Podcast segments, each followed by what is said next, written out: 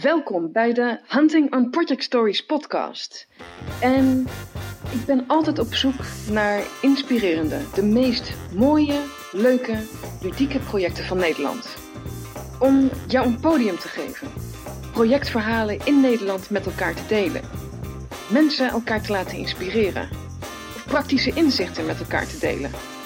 En vooral elkaar te laten genieten van al het moois wat zich in Nederland afspeelt. Ik ben Maaike van Meulen en reis met mij mee naar de prachtige verhalen van mensen. Welkom bij de Hunting on Project Stories met vandaag Mieke van Herk. Dag Mieke. Hallo. Mieke is coach en trainer en wat ik zo leuk vind aan Mieke is, zij heeft twee bedrijven. Bureau Kaliber, is een reïntegratiebureau.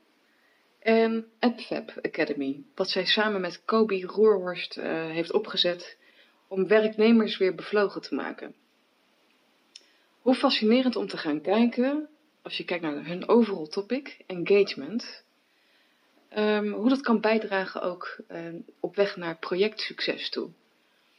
Maar voordat we die brug uh, gaan slaan, en Mieke, wij hebben het er samen ook over gehad, dat het allereerst mooi is om te starten met waarom engagement? Wat, wat triggert jou zo dat je enorm gepassioneerd bent in jouw werk? Ja, is iets wat ik zelf ervaar in mijn werk, uh, maar ook wel in mijn werkzame leven wel eens niet uh, gehad heb. Uh, en daar waar ik zeg maar um, met veranderingen in mijn omgeving of op mijn werkplek of bij mezelf ontdekte en dacht van nou, daar moet ik wat aan doen uh, ja, heb ik met heel veel mensen te maken in, uh, in mijn bedrijven die niet uh, bij machten zijn of zelfredzaam genoeg zijn om die verandering aan te gaan. Of weer te zorgen dat ze bevlogen in hun werk raken of sowieso weer aan het werk zijn op een leuke werkplek. En nou, daar heb ik dus mijn werk van gemaakt om mensen daarbij te ondersteunen. En is dat ook iets wat jij vanuit jouw eigen persoonlijke leven, dat je dat herkent? Dat, dat die passie daar vandaan komt? Of? Ja, dat denk ik dus achteraf wel. Um, ik heb weliswaar eerst nog 25 jaar in loondienst gewerkt, maar ik kom wel echt uit een ondernemersgezin. Uh, mijn vader was tuinder uh, en ik moet zeggen, mijn moeder was ook tuinder. Die was misschien zelfs nog wel meer tuinder. Ja. Uh, en ik heb een broer en zus die ook allebei ja, voor zichzelf zijn gaan werken. De ene als opvolger in de tuinderij en de andere in de bloemen.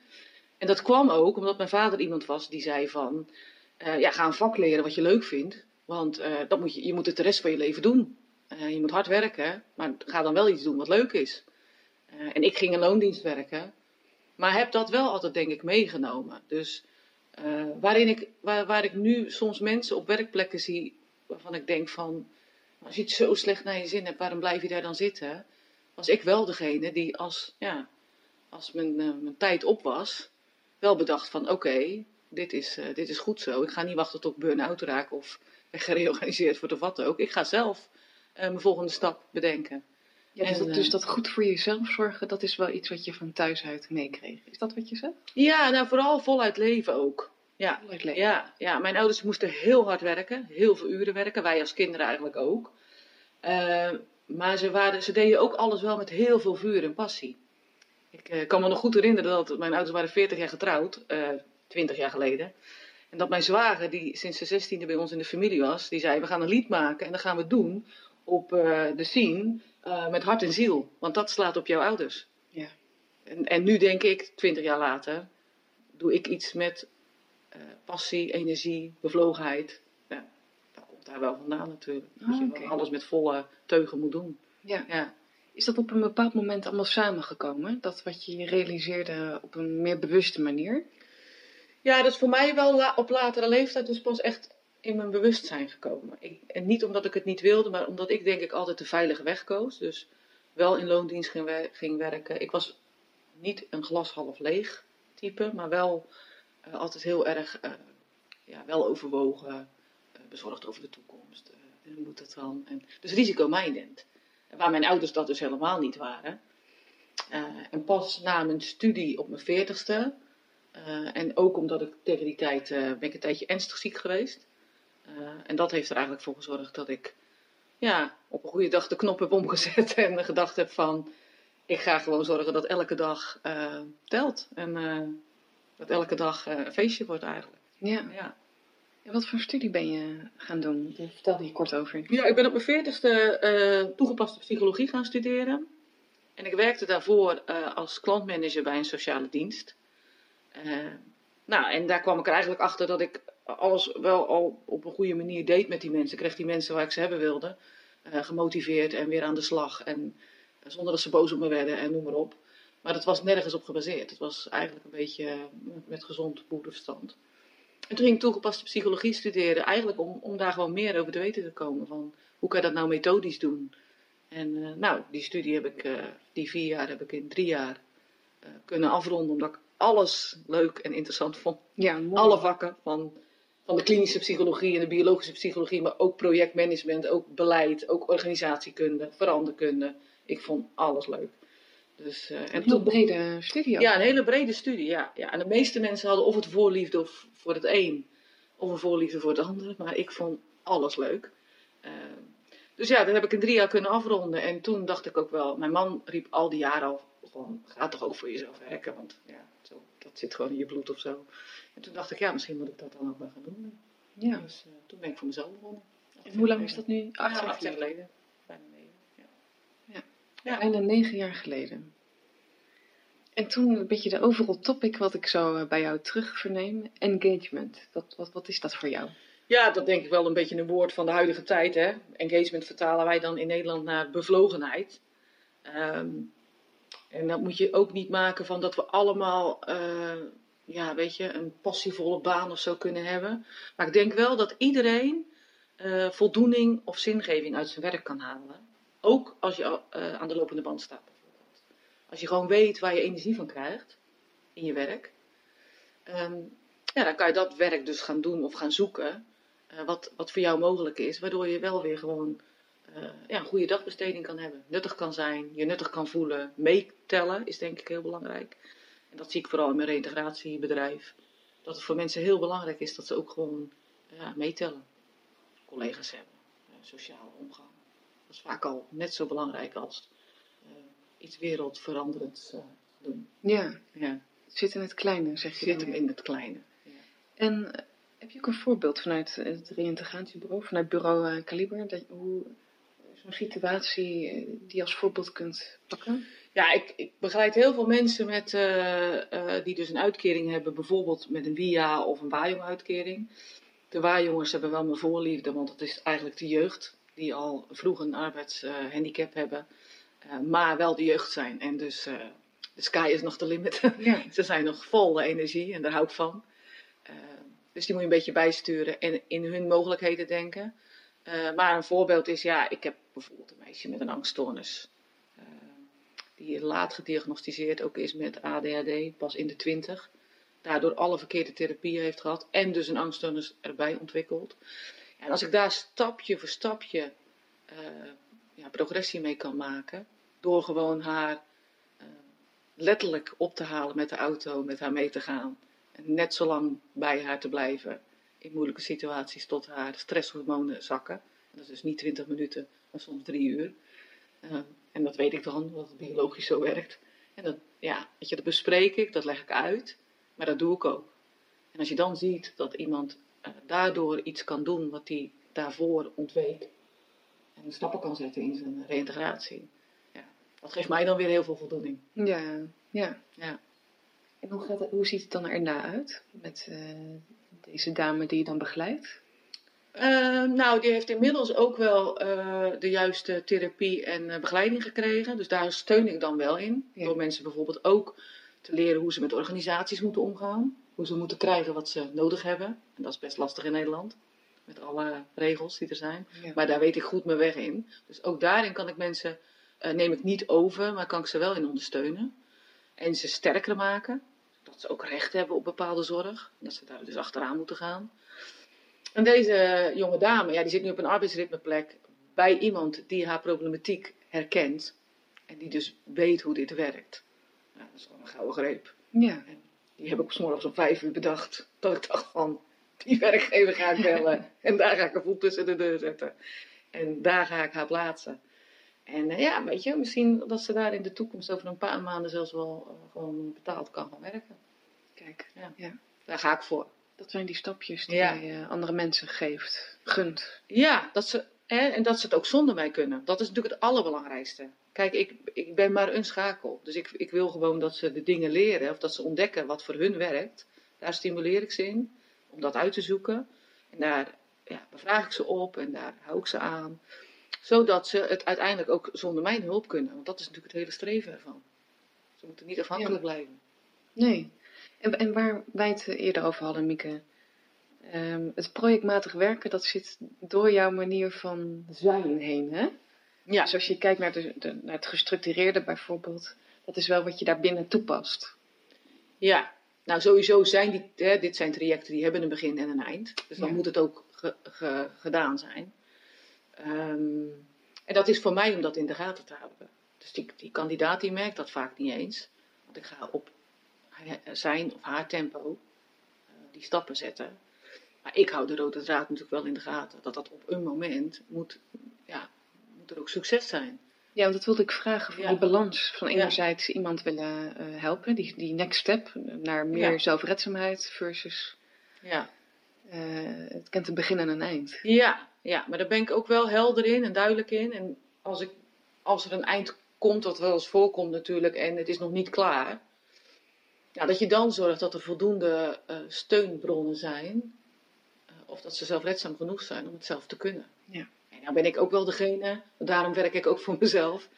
Eh, ze kunnen mij altijd nog appen of bellen, ook als het traject klaar is. En ik zeg altijd, ja, ik, heb vooral, ik vind het vooral leuk als je me nog een keer contact eh, met het volgende succes. En dat doen ze soms ook, hè. Ik heb ook wel eens een jongen gehad die me na een jaar nog belde om te vertellen dat hij van zijn baan, waar ik hem toen aan geholpen heb, naar een stap vooruit. Ja. Ik zei, ja, ik bel jou even om te vertellen dat ik eh, nu ook weer aangenomen ben in mijn volgende functie. Ja, Geweldig. dat vind ik Ja. fantastisch. Ja. Ja. Maar ik vind het ook niet erg als ze nog een keer bellen van paniek, eh, ik val terug of er gebeurt wat. En wat moest ik ook alweer, eh, wat waren ook alweer mijn stappen die ik moest zetten om ja, op het goede spoor te blijven. Weet je, dat is nazorg, ja, vind ik dat. Ja, dus inderdaad een, meteen een interessante nazorg. Ehm nou vind ik ook leuk om even over te schakelen naar het bedrijf wat daarna kwam. Ja. is opgezet. Of dat zijn jullie meer aan het uitbouwen op dit moment. Ja, een halfjaartje nu mee bezig. De AppFab Academy. Ja, Want hoe is die na jouw integratiebureau? ehm, ja ik, heb, gekomen. nou, ik heb Kobe eh, ontmoet twee jaar geleden tijdens een opdracht. En hoewel we allebei al best ervaren en geroutineerde trainers zijn, kwamen we erachter dat we voor de groep een soort 1 en 1 is 3 zijn. En dat merken de groepen. En, nou, de, mensen gaven dat ons terug en de samenwerking werd beter en beter. En toen de opdracht eindigde, toen hebben we gezegd, ja weet je, we willen gewoon samen verder. Eh, en nou, wat wij doen, het activeren van mensen die er niet meer zo in geloven. Dus die niet meer bevlogen zijn, die niet meer engaged zijn op de werkvloer. op de werkvloer om die weer eh, ja, in mogelijkheden te laten denken. En, ehm, en hun invloed, waar ze wel invloed op hebben, ook te laten pakken. En Wat is de reden geweest dat, dat die behoefte zo vanuit jullie beiden kwam? Wat, wat zag je iets gebeuren? Wat, wat, wat, wat- Nou, het is wel iets, denk ik, van deze tijd. Hè. Kijk, de crisis was voorbij. Dus wat je ziet bij werkgevers is natuurlijk dat ze en geen mensen, de juiste mensen kunnen werven.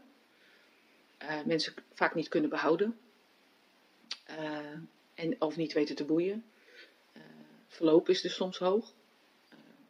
Nou, ik denk dat daar gewoon ja, dat daar iets in nodig is om werkgevers daarbij te helpen hoe ze dat weer goed kunnen krijgen. En soms kunnen het dus ook de werkgevers zijn die juist die enorm groeien. Weet je, het hoeven niet werkgevers in nood te zijn die wij helpen. Het zijn soms ook, de, ik heb ook een werkgever die zegt, ja, wij groeien zo hard dat we gewoon de verbinding met elkaar kwijtraken. En dan kan zo'n eh, traject wat wij aanbieden om engagement te vergroten, juist helpen. En ja, engage and, eh, engage and grow, hè, dat is de methode die we dan zeg maar, toepassen. Eh, dat gaat ervan uit dat eh, Gallup, dat is een onderzoeksbureau, die tonen aan dat zeg maar ongeveer in West-Europa, want ze doen het over heel de wereld, dat heet de, de State of the Global Workforce, doen ze elk jaar onderzoeken samen met Deloitte. En in die zeggen, 70 landen zitten ze inmiddels, hè? ja, 80. Engage and Grow zit in, in 80, meer dan 80 landen. Ja. Eh, maar Gallup doet dat onderzoek over heel de wereld. En in West-Europa bijvoorbeeld, en in Nederland is het zo dat 10% van de mensen is eigenlijk afgehaakt. Nou, er zitten bijvoorbeeld ook je langdurig zieken in. Uh, ongeveer 10%, 9% geloof ik is bevlogen. Die hebben flow. En dan hebben nog 80% dat zijn tevreden medewerkers. Nou, even over flow. Wat is flow? Hè? Wat is de bevlogenheid? Ja. Uh, ik heb pas nog een masterclass HRM gevolgd. Waar ik dat heel goed in heb geleerd. Bevlogenheid is eigenlijk dat je dus inderdaad flow hebt. Dus dat je de tijd voorbij gaat zonder dat je het door hebt. Dat je vindt dat je iets nuttigs doet. Dus ook als je een radartje bent in het bedrijf. Dat je weet waarom jouw radartje belangrijk is. Ja. En um, dat je een stukje autonomie hebt. Dus mensen hebben gewoon behoefte aan een stukje autonomie in hun werk. Dat is nog zo klein dat ze ergens zelf iets over kunnen beslissen. Nou, als je die drie, die drie dingen in je werk zitten, kan het zijn dat je dan inderdaad je bevlogen voelt. Maar die werknemers doen gewoon acht keer zoveel als die andere 90% Dus het is voor een werkgever loont het ontzettend om daarop te investeren. Ja. Buiten het feit dat in je tevreden medewerkers, ik heb werkgevers die zeggen, ja joh, 80% tevreden, daar doe ik het voor. Ik zeg, oké, maar dat zijn wel die werknemers die op een goede dag aan je deur kloppen en zeggen, ik heb een andere baan gevonden. Ja, heb je dan niet zien aankomen? Nee. Omdat je de bevlogenheid niet scherp in beeld hebt. Of de mate van bevlogenheid van je van Omdat je jij dacht dat tevreden zijn wel genoeg was. Dat is dan tevreden, ja. Dat is tevreden. Dus die scoren ook nog eens een keer goed in hun tevredenheidsenquêtes. Maar dat zijn dus werknemers die, als wij zeggen dat een beetje oneerbiedig, die wel tijd in jou steken, in, in hun werk, in jou als werkgever, maar geen enthousiasme. Nou, die kennen we allemaal wel, denk ik. Ja, Ik heb zelf ook lang genoeg gewerkt om te weten dat die ook om je heen zitten. Die elke dag komen, die niet ziek zijn, maar die alleen maar doen wat, hè, wat takenlijstje is. Die niks extra's doen. Dus die, bui- buiten het feit dat ze niet alles verdienen, hè, omdat die bevlogen medewerker altijd meer doet, omdat hij naar zijn zin heeft, eh, zit er ook dus dat gevaar in dat het dat mensen zijn die potentieel burn-out kunnen raken. Die potentieel verloop kunnen doen. Stel dat ze dat allemaal niet doen, dan zegt die werkgever tegen mij, nou zijn ze toch gewoon tevreden? Ik zeg, oké, maar jij hebt last van je recruitment op dit moment. En je kan geen nieuwe werknemers vinden. Want even, even, nog heel even terug, die burn-out eh, percentage, die zit wel eventueel in die doelgroep van de bevlogen mensen. Dat ze Nee. te bevlogen zijn. Nee, nee. Maar Die zitten, in de negen, die zitten in de afgehaakte mensen. Daar, daar, weet je, uiteindelijk, nee, ik denk niet dat je te bevlogen kan zijn. Want die mensen raken niet burn-out. Je kan wel te betrokken zijn in de zin van, als je zo overloyaal bent, het zijn natuurlijk niet je onverschillige werknemers die burn-out raken. Dus inderdaad, dat kan, maar dat heeft dan heel vaak met andere omstandigheden te maken. Mensen te overloyaal zijn en zichzelf niet goed beschermen. Zoals? Wat voor, wat voor omstandigheden? Nou ja, burn-out heeft natuurlijk heel vaak ook te maken met. ehm, eh, de, een van de belangrijkste kenmerken van burn-out is niet degene dat je je tijd en energie te veel in je werk bijvoorbeeld zou steken, maar dat je niet voldoende hersteltijd neemt. Dat is een van de grootste oorzaken van burn-out. Dus het gaat er niet om dat jij 80 uur in de week werkt. Het gaat erom dat je geen andere uren hebt waarin je herstelt van het werk. Waarin je niks doet, waarin je mijmert, waarin je in je hangmat gaat liggen. Dat doen mensen niet. En ze herstellen ze niet meer van het werk. Ze gaan staan nooit meer uit. En het is niet erg om, hè, nou dat weet ik als tuindersdochter als geen ander. Het is niet erg om heel veel uren hard te werken. Nee. Met iets wat je graag doet. Maar je moet ook wel uitrusten. Ja. En ervan bijtanken. En ik denk dat mensen die burn-out raken, dat die dat vaak uit het oog verliezen. En dan heb je het ook weer over bevlogenheid. Want dat heeft ook te maken dat je weet waar je zelf dus energie van krijgt. Hoe je oplaadt. En doe je dat door alles wat de maatschappij je voorschrijft? Of, of weet je zelf van oké, als ik moe ben of als ik te veel gedaan heb of als ik last heb, eh, dan moet ik dat en dat en dat gaan doen. Dan weet ik wat ik moet doen om te herstellen. ja, oftewel ook jezelf goed kennen. Jezelf goed kennen. Dat is één. Ja, nou dat zie ik in de reïntegratie ook. Dat mensen vaak niet weten waar ze energie van krijgen. Dus dat ga ik als eerste ze leren. Wat is er nodig om energie in het kopje te krijgen? Want wij gaan samen een traject doen, jouw reïntegratie. En dan gaat jouw energie kosten. Dat weet ik van tevoren. Dus als jij niet weet wat, wa- wat jouw energie geeft, gaan we dat eerst uitzoeken. Want ik weet al, als begeleider, dat je al die energie nodig gaat hebben. Dus of dat nou wandelen met de hond is, of hardlopen. Of ik zeg zelf altijd, ik ga graag lunchen met een vriendin. Dat is mijn manier van energie. Als ik heel de dag, heel de week hard gewerkt heb, Ja. en ik denk, oh, ik loop over. Dan ga ik iemand appen en zeg ik, joh, heb je vrijdagmiddag tijd? Gaan we lekker bijkletsen. En dan ander gaan sporten. Weet je? Maar weet van jezelf waar je van oplaadt. Als je dat niet weet, dan heb je ook niks weg te geven eigenlijk. Nou, dat is in, in, bij bedrijven zo, dat is in de reïntegratie zo. En wat je gewoon ziet is dat ehm, ja, werkgevers vaak toch een soort instelling hebben. Al verandert dat wel, hè, want werkgevers worden zich wel bewust dat dit heel belangrijk gaat worden de komende jaren. Hè. Duurzaamheid is natuurlijk ook een Ja. hot item. Ja. Werkgeluk, een heel hot item. Nou, dat is eigenlijk hè, waar wij op inspelen. Eh, Nou, wat je ook heel erg ziet in Amerika, Mieke, is dat engagement ook daar wel een heel populaire term is. eh. En, en dat vind ik dan ook heel erg eh, eh, boeiend. Van, hoe is dat meetbaar te maken? Zegt de methode daar ook iets over? Ja, bij eh, Engage and Grow, dus gebaseerd op het, op de Gallup-onderzoek, hebben ze eh, surveys, zeg maar, om dat te meten. En dat heeft ook daarmee te maken wat ik net zei. Dus er wordt eigenlijk ook gemeten van, vind je dat je werk er eh, toe doet? Heb je, weet je, waar zit je energie? Heb je energie over na een werkdag? Nou, al, dus dat is wel te meten. Die flow, of mensen de tijd voorbij zien gaan, of naar de klok zitten te kijken, of denken, oh, is het alweer vijf uur? Dat kan je, gewoon, dat kan je mensen wel bevragen. Ja. Dat moet je dan denk ik wel anoniem doen. Maar Gallup doet dat natuurlijk wereldwijd. En als je dan kijkt naar het eh, creëren van eh, projectsucces, dan zijn bevlogen medewerkers heel erg eh, prettig om te hebben. Ja. Hoe zie je dat? Nou ja, wij hebben in principe, als we een traject doen, is het ook een project. Want dat is twaalf weken. En we komen een uur lang, elke week, op de werkvloer, omdat het over gedragsverandering gaat. Dus daar, en daar geloof ik ook heilig in. Dat, weet je, je kan, wat ook hartstikke nuttig kan zijn, met mensen een dag op de hei gaan zitten om visie en waarden en eh, doelstellingen te formuleren. Maar als je dan daarna op de werkvloer allemaal weer gaat doen wat je altijd al deed, dan verandert er niks. Nee. Dus als je merkt dat de energie niet goed is in je bedrijf, of dat mensen elkaar niet weten te vinden, of dat ze alleen maar mailen naar elkaar, of dat projecten niet goed worden afgerond, hè, wat, wat denk ik ook eh, in dit thema wel past, eh, dan heeft dat 9 van de 10 keer natuurlijk te maken met de intermenselijke communicatie, contacten, afspraken, al, al die dingen. Eh, en die pakken wij in die 12 weken aan. En we sluiten het ook af. Wat jij zegt, hè? communicatie, contacten, afspraken. Wat zijn nog meer van die elementen die onder de paraplu van eh, engagement vallen? Eh, nou, zonder dan zweverig te willen klinken, denk ik dat het ook wel te maken heeft met verbondenheid, met verbinding, met intermenselijke verbinding met elkaar. Ja. Kijk, wat, wat je gewoon ziet, het is natuurlijk heel makkelijk om van achter je computer van alles van je collega te bedenken. En eh, nou, we weten allemaal dat dingen die op schrift staan of op mail staan heel anders worden uitgelegd. Eh, dus ja, wat mensen gewoon, eh, ook door onze, denk ik, maatschappelijke ontwikkelingen niet meer doen, is echt contact maken met elkaar. En ja, weet je, ook dat zou je projectmatig. eh, ik denk dat projecten, eh, maar dat weet jij waarschijnlijk beter dan ik, heel vaak een succes zijn op het moment dat er gewoon eh, persoonlijk contact is.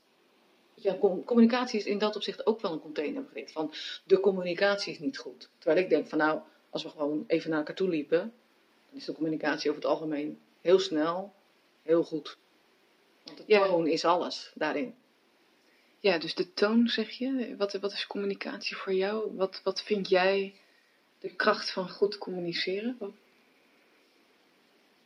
En de kracht van goed communiceren is denk ik vooral eh, eh, begrip hebben voor die andermans belang. En misschien zelfs ook wel zijn drijfveren of zijn motivatie. Dus dat heeft een beetje met inlevend vermogen te maken. Als je gewoon kan zien waar die ander vandaan komt, op allerlei manieren, Ja. dan snap je ook waarom dat hij de dingen op die manier doet. En dat kan soms heel persoonlijk zijn, hè? dat mensen dus inderdaad vanuit persoonlijke ervaringen bepaalde dingen doen. Nou, dat zie je bij Engage and Grow ook wel. Hè? We komen natuurlijk wel eens bij organisaties. Als daar drie reorganisaties geweest zijn, dan is het ook niet zo gek hè, dat mensen een beetje murm zijn. Mm. En dat ze niet meer willen communiceren en noem maar op.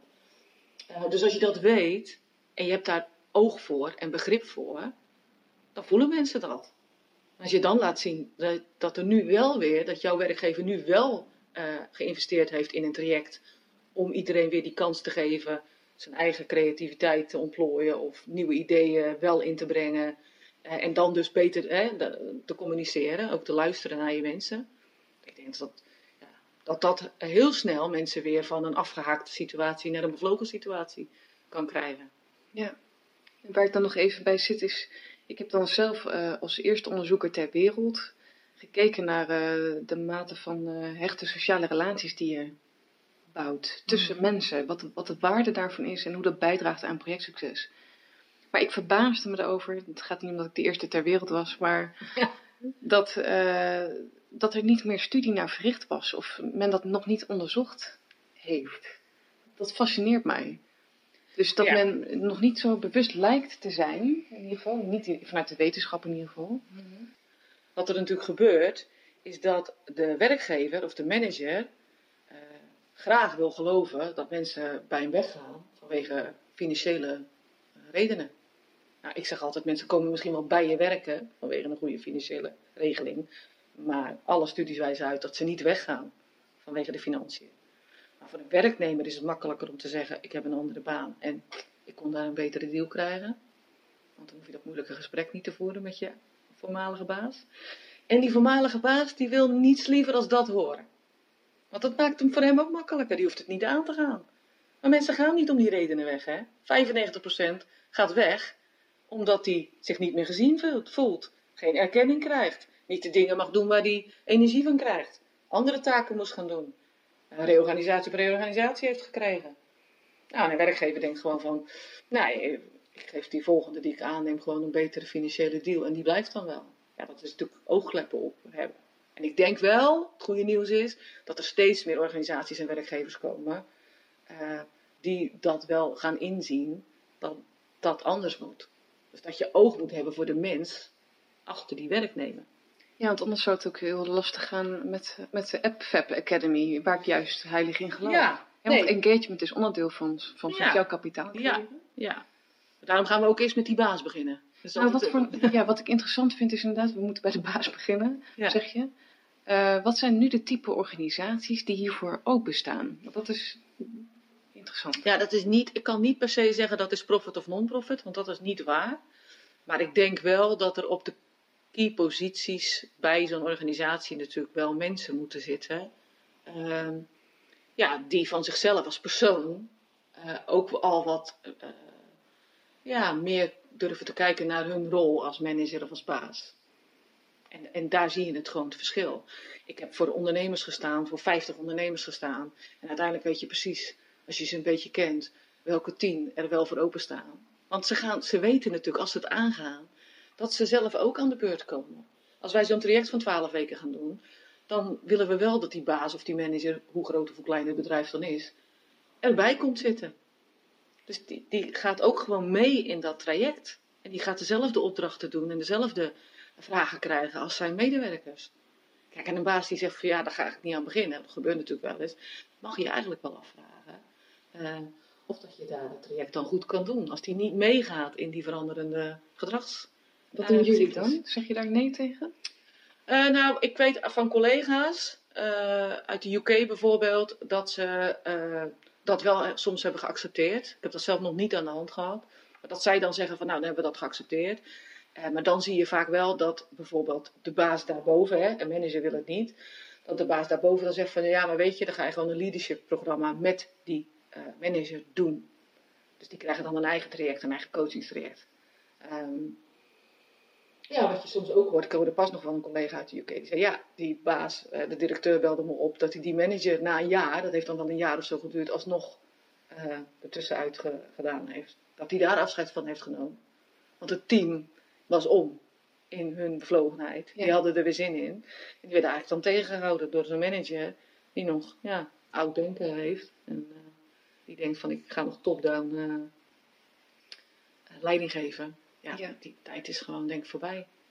Nou, ja, dat, dat hoor ik ook door je verhaal heen. Het oude denken en het nieuwe denken inderdaad.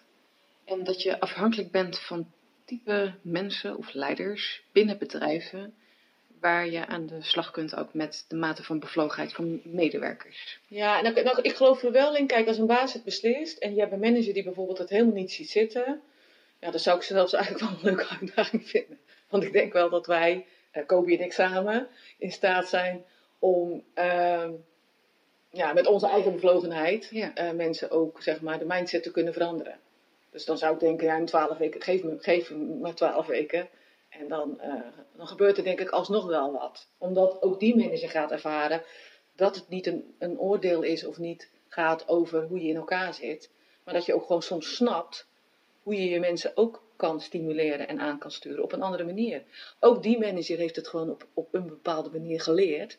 Ooit beloond geworden doordat het werkte. En die heeft misschien twintig jaar lang gedacht van, nou dit werkt zo, dus dat blijf ik zo doen. En dan komen wij en we zeggen, ja, misschien moet je anders naar die werknemers kijken. Want hè, de hele maatschappij is intussen veranderd. Ik kan het die man of vrouw niet eens kwalijk nemen dat hij het is blijven doen al die tijd. Maar en, en, hoe ziet dat er dan uit, uh, Mieke? Dus, dus wangen erboven nu, boven zo'n situatie. Mhm. Er is een, een, eh, leidinggevende bijvoorbeeld die nog niet helemaal mee is. Jij overtuigt zo'n persoon samen met uh, Kobi om die 12 weken programma mm één uur per week aan te gaan. Wat kan zo'n leidinggevende alsnog gaan ervaren? Dat, dat, dat hij toch overtuigd raakt? Nou, vooral ervaren. Dus die gaat zien, dus wij gaan dingen met ze doen. Als we een uur bezig zijn, hebben we wel vijf onderdelen. Er zijn vijf onderdelen van tien minuten. Dus het gaat echt als een razende. Waar gaat het dan over? Wat kunnen we zien? Ja, nou ja, met elkaar bijvoorbeeld, uh, welk gedrag willen we als team met elkaar? Nou, weet je, dat stellen we vast. Uh, mensen delen soms een persoonlijk verhaal. Uh, er zit ergens in die twaalf weken komen er feedbackrondes. Wat moet je blijven doen? Wat, moet jij, wat zou je beter kunnen laten? Hè? Moet natuurlijk allemaal veilig en vertrouwd zijn. Maar uh, we gaan mensen ook opdrachten geven dat ze zelf 10 minuten bijvoorbeeld gaan vullen. Nou, die komen dan de week erna. Als je natuurlijk een, ja, noem maar wat, een werknemer ziet die altijd gewoon zijn taken deed, tevreden med, medewerker die alles gewoon doet, maar nooit die extra, extra doet. En doordat Kobi en ik diegene zo uh, sterker maken, dat hij met een ontzettend leuke oefening de week erop zijn collega's entertaint. Ja ze iets laat doen waardoor ze allemaal uh, een andere blik krijgen op hun werk bijvoorbeeld, hè, want dat is allemaal wel werkgerelateerd. En dan zit je als manager bij, dan denk ik dat er bij die manager echt wel wat gebeurt. Ja. Dat hij echt wel denkt van, hé, hey, daar zit die hele saaie medewerker die altijd maar gewoon, die ik nooit aan de gang kreeg en, die, en kijkt die hier nou eens groeien en bloeien. En dat is natuurlijk wat er dan gebeurt. Ik ga niet tegen die manager zeggen, jij moet het anders doen. Ik ga het hem laten zien dat als ik anders met zijn medewerkers omga, er ook iets anders met die medewerkers gebeurt. Kijk, dat is inderdaad uh, scherp gezegd. Ja, voorbeeldgedrag daarin ook laten zien. Voorbeeldgedrag laten zien, ja. ja. En mensen uitnodigen. Hè? Dus wat wij doen is niet belerend, is niet in, in, dus in dat opzicht niet directief. Het is juist vooral prikkelend, uitnodigend, heel speels. We zijn sowieso allebei heel erg van de humor. Maar dat kan ook heel goed in het Engage and Grow programma. Dus het zijn allemaal ook luchtige onderwerpen. Ja. Uh, maar het kan soms ook heel serieus zijn. Ja, en een gezonde pittigheid. Wat ja, gezonde pittigheid zit erin. Ja. ja, het is echt niet, we gaan niks uit de weg. Maar het is altijd wel veilig. Snap je? Het is nooit, uh, we gaan niet iemand publiekelijk in een team of zo uh, de waarheid even vertellen of zo. Ja, daar zijn, ben ik sowieso zelf niet van. Want ik denk namelijk dat niemand daar ooit groter van geworden is. Nou, je ziet natuurlijk wel veel politieke omgevingen in organisaties. Ja. Hoe creëer je zo'n veilig klimaat bij zo'n bijeenkomst? Heb je daar tips voor? Hè? Projectmanagers of mensen die bij projecten betrokken zijn, die kunnen daar ook mee van doen hebben? Nou, ik denk dat ik, eh, ik ben iemand die coacht en traint en dat ik zonder oordeel ben. Maar ik heb wel de regie. Ik denk dat mensen dat heel erg goed, goed voelen. Dus er kan heel veel bij mij. Mensen mogen hun weerstand tonen. Mensen gaan in de reintegratie ook. Gaan mensen echt soms wel uit de stekken. Dat kan. Maar er is maar één iemand die over de training gaat. En dat ben ik. Dus ze voelen ook aan ehm, dat het echt is. En ik denk dat mijn kracht is, en dat durf ik voor Kobe ook wel te zeggen, omdat wij heel authentiek zijn in alles, mogen we heel snel heel dichtbij komen bij mensen. En dat betekent dat die mensen ook echt worden. En als je heel dichtbij mag komen, wat in de reintegratie helemaal onbetaalbaar is, dan kan je ook de dingen tegen iemand zeggen uh, die gezegd moeten worden. Dan is dat ook niet kwetsend. Want mensen voelen dat dat dan, ja. Ja, dat jouw interesse, dat je geen oordeel hebt. Maar dat je gewoon zegt van, joh, mag ik je vertellen wat ik zie? Uh, want ik zie je dit en dit en dit doen, of reageren, of, uh, hey, of jij, jij komt elke keer te laat, of... nou, dat zou ik ook nooit bijvoorbeeld in een groep zeggen, maar ik zou iemand bijvoorbeeld wel een keer apart kunnen nemen. Om te zeggen van, ja, ik weet niet wat er precies gebeurt. Maar vind je het zo lastig? Weet je, als je mensen dan op een uh, interpersoonlijk niveau aanspreekt, dan zijn mensen helemaal niet, uh, gaan ze helemaal geen poppenkast zitten spelen. Nee. Want ze voelen dat ik er geen oordeel over heb. Ik wil iedereen verder helpen. Eh, dus ja, Dus, dus ik hoor een aantal facetten. Eh, authentiek zijn, hoor ik. ja, je moet echt zijn. Ja. Echt. Ja. Ehm, helder. Dus ook met kaders van Ja. zo'n programma. Ja. Ik dat ook Dat, ja, het, het Ja. programma helpt erbij. En ik denk dat wij er als personen ook bij helpen. Ja, Ja. stevig staan. Ja, stevig staan. Kijk, het kan niet uitlopen als iemand denkt van nou, we hebben 10 minuten, we gaan dus 20 minuten over dit onderwerp. Dan moet ik het af kunnen breken zonder dat diegene zich geschoffeerd voelt. Toch het verhaal heeft kunnen doen.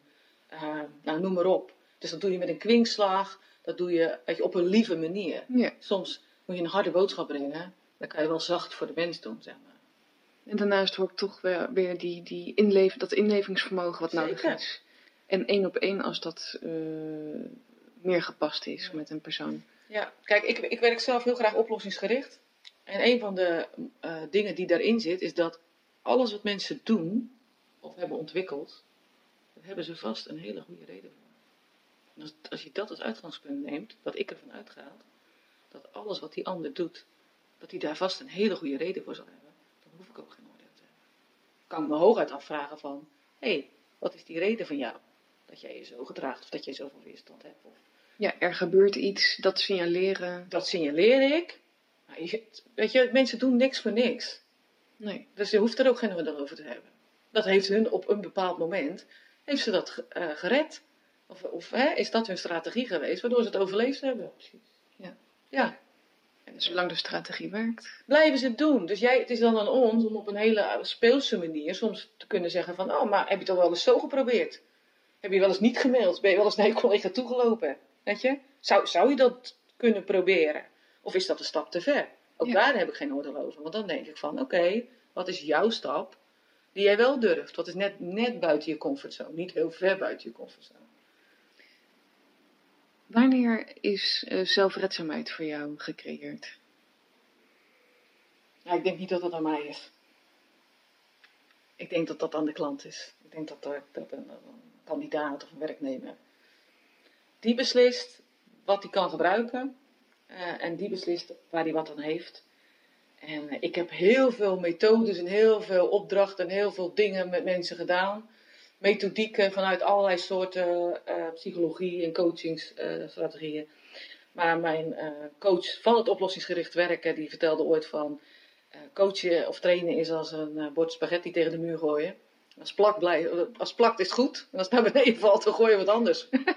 en, eh, en dat is ook een goed streven. Om niet alwetend te zijn. Het is niet mijn methode. Het is niet mijn oordeel van zelfredzaamheid. Ik zeg alleen maar, joh, weet je, dit is in de wetenschap bewezen dat wel eens kan werken.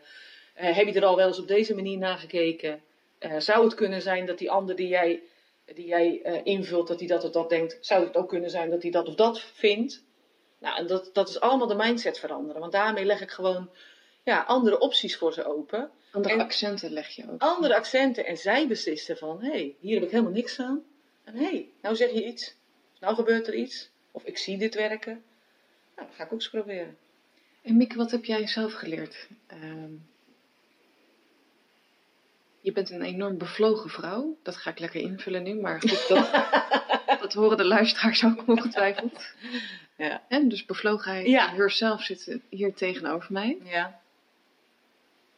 Wat heb ik geleerd? Wat is de weg eh, daar naartoe geweest dat je die bevlogenheid zelf creëerde? Of dat dat ontstond? Wat, Nou, wat ik net al zei, hè, ik ben zelf best wel redelijk voorzichtig eigenlijk altijd te werk gegaan. En wel overwogen.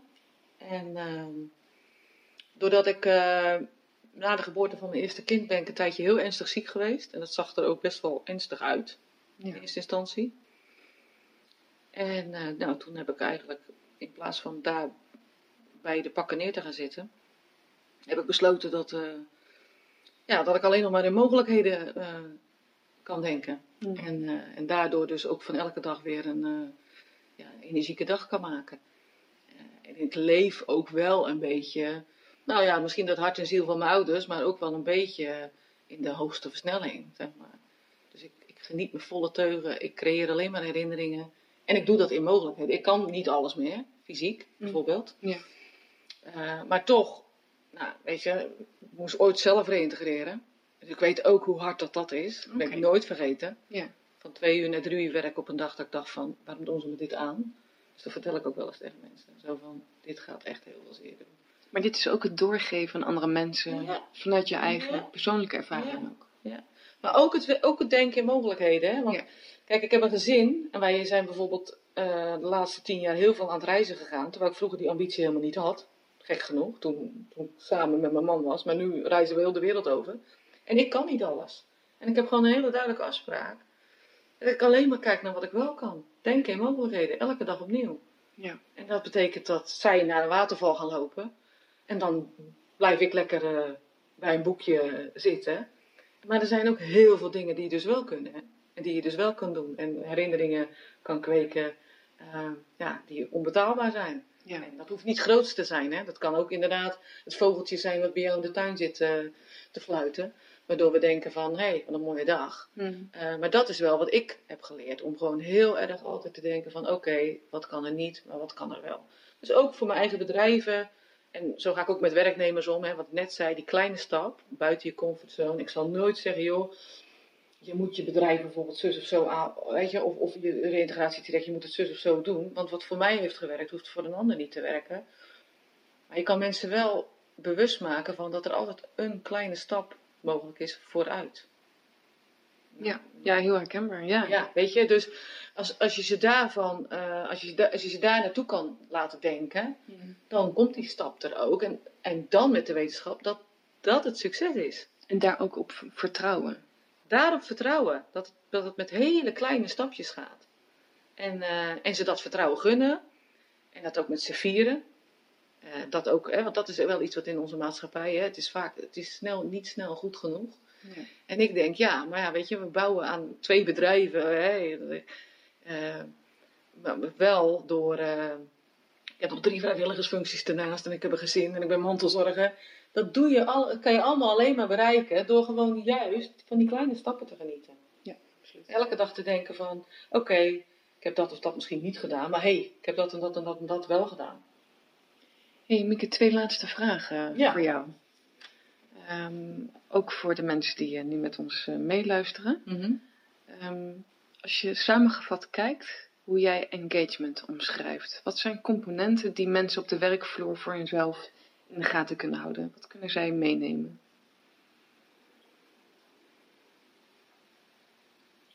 Nou, ik denk dat je, als je, waar je ook werkt, wat je ook doet, eh, dat het belangrijk is dat je behalve energie geeft aan je werk, dat je er ook energie uithaalt. Dat heeft niets met je functietitel te maken. Dat heeft gewoon te maken met van ga je met je plezier naar je werk toe. En soms eh, is, wat ik denk vaak belangrijker is, is de, is de bedrijfscultuur als de taken en functies. Dus, dus gewoon van hoe hoe ziet, de omgeving eruit en past die bij jou? Word jij gelukkig van de collega's die er rondlopen? Vind je het een gezellige werkplek? Of zijn de collega's om je heen eh, happy, eh zullen we zeggen? Ja. Nou ja, ook hè, niet iedereen is geschikt voor een profit-omgeving. Niet iedereen is geschikt voor een non-profit-omgeving. Niet Nee. iedereen is geschikt om binnen te werken. Nee, hè, dus ook kan je informeel of formele omgeving. Dus dat zijn dingen waar ik altijd ook heel erg naar mensen kijk. Zo van, oké, op welke plek doe jij het goed? Kom je tot je recht? Lopen mensen rond die een beetje zoals jij zijn? Dat is wel belangrijk. Buiten de inhoud van je werk. ja, en wat daarnaast misschien ook mooi is, dat als je daar bewust van bent van, over jezelf. Dat je het ook nog beter weet te signaleren met de mensen met wie je samenwerkt. Zeker. Als je dat, kijk, je kan je geforceerd in een eh, heel hip en happening bedrijf eh, eh, laten recruiten. Eh, maar ja, als jij niet, als je heel introvert bent, dan heb je geen zin om elke dag een stand-up te doen. S morgens om negen uur. Nee. Ja, ja, dat kan heel, heel de wereld wel vinden dat dat het moet zijn. Dan moet je gewoon een plek vinden waar iemand jou een keer bevraagt op je intelligente ideeën. eh, die misschien wel net zo waardevol zijn. Dus dan is de plek waar je terechtkomt heel belangrijk. En ook belangrijk dat je elkaar kent in de organisatie, dat je elkaar ook kunt opvangen. Ja, dat je elkaar kunt opvangen en dat je, dat je denk ik, wat, wat mensen wel sterker zouden kunnen doen, maar dat zit ook wel denk ik in onze trajecten dan. Dat gaan ze van elkaar natuurlijk zien als ze zo'n traject doen, maar dat zou iedereen op zijn werkplek kunnen doen. Dat zonder dat het dan meteen onder de assertiviteit valt, is precies wat jij zegt. Als je dat van jezelf weet, als jij weet hoe je, waar je energielekken zitten of hoe je mo- moet opladen, dat je dat ook durft uit te spreken. Ja. Weet je, want dan, je kan heel star zeggen, ja, we gaan s'avonds niet meer onze telefoon opnemen of we gaan niet onze werkmail meer openen of weet ik veel wat. Ik heb een man die, dat, die gewoon 24-7 zit te werken en die wordt er heel gelukkig van. Weet je, wie, wie zijn wij om dat te veroordelen? Maar dat betekent wel dat op andere momenten je gewoon soms moet denken van oké, nu ben ik even eh, niet bereikbaar. Mm. Want ik ben aan het opladen. En als je dat kan uitspreken, dan hoef je helemaal niet assertief te zijn. Want dan, ik denk dat 9 van de 10 mensen, ook je manager, gewoon alleen maar hartstikke blij is dat iemand het zelf weet. Ja. Dus samengevat, engagement. Wat zijn de signalen waar we op kunnen letten? Bevlogenheid. Zijn je mensen nog bevlogen of zijn ze alleen tevreden? In jezelf. En jijzelf. Ja, en heb je er oog voor? Vraag je dat ook aan de mensen? En in HRM, hè, wat dat toch wel dat, weet je, het werkveld is waar dit ook allemaal zich afspeelt. Ik denk dat je veel meer regie moet geven aan mensen. Dus dat je niet, en we gaan ook helemaal af van de functioneersgesprekken, dat zie je natuurlijk al in het land gebeuren. Randstad is er volgens mij al mee gestopt. Maar dat je dus ook veel meer aan je mensen gaat vragen: oké, waar wil jij het komende jaar aan gaan werken? Wat vind jij dat er goed gegaan is? Ja, die, betrok, die betrokkenheid. Wat ja. zou je willen verbeteren? Mensen weten dat echt zelf wel. Dat hoef jij als manager echt niet te vertellen. En dan kan je een beetje bijsturen. En dat is op een vragen. Dat is, dat is niet anders wat ik met mijn mensen doe. Waar wil jij aan werken? Oh, nou, dan vraag ik jou er toch op. Over drie maanden. Hoe het gaat. Wat, wat je nodig hebt. Je, zo simpel kan het dus zijn om mensen te laten groeien. En daarmee ook de relaties tussen elkaar. Zeker, mensen. zeker. Mensen, ik denk dat mensen het dan als zwakte of als kwetsbaarheid zien. Terwijl ik denk van het is juist een sterkte. Als je jezelf zo goed kent en dat durft uit te spreken. En durft te zeggen van, nou daar ben ik gewoon niet zo sterk in. En zou ik daar wat meer eh, in kunnen oefenen of ondersteuning in kunnen krijgen? Of kan je me daar niet bij helpen? Of misschien moet ik juist dat project gaan leiden. Want ik denk dat ik dat wil leren, maar daar ben ik niet zo goed in. Ja. Weet je, en als je dat tegen je manager kan zeggen, ja, geef mij een manager die dan nog durft te zeggen van, nou, ik denk dat we dat niet moeten doen. Vind je het toch alleen maar fijn dat je mensen gewoon goed kunnen aangeven wat ze nodig hebben? Ik vind het een mooie eindzin. Ja, ja dankjewel. Eh, dankjewel Mieke van Herk eh, van eh, Engage and Grow van de AppFab Academy en Bureau Kaliber. Ehm, bedankt voor je komst. Graag gedaan. Nou, dat was weer een mooi gesprek. Dit keer met Mieke van Herk. Over bevlogenheid bij onszelf en medewerkers op de werkvloer. Want hoe krijg je mensen nou meer mee? Hoe krijg je mensen meer bevlogen? Voldoende tips kunnen horen tijdens deze podcast. Volgende week ben ik er weer met een nieuwe aflevering van de Hunting on Project Stories podcast. De mooiste verhalen van mensen in Nederland en de Benelux. Tot volgende week.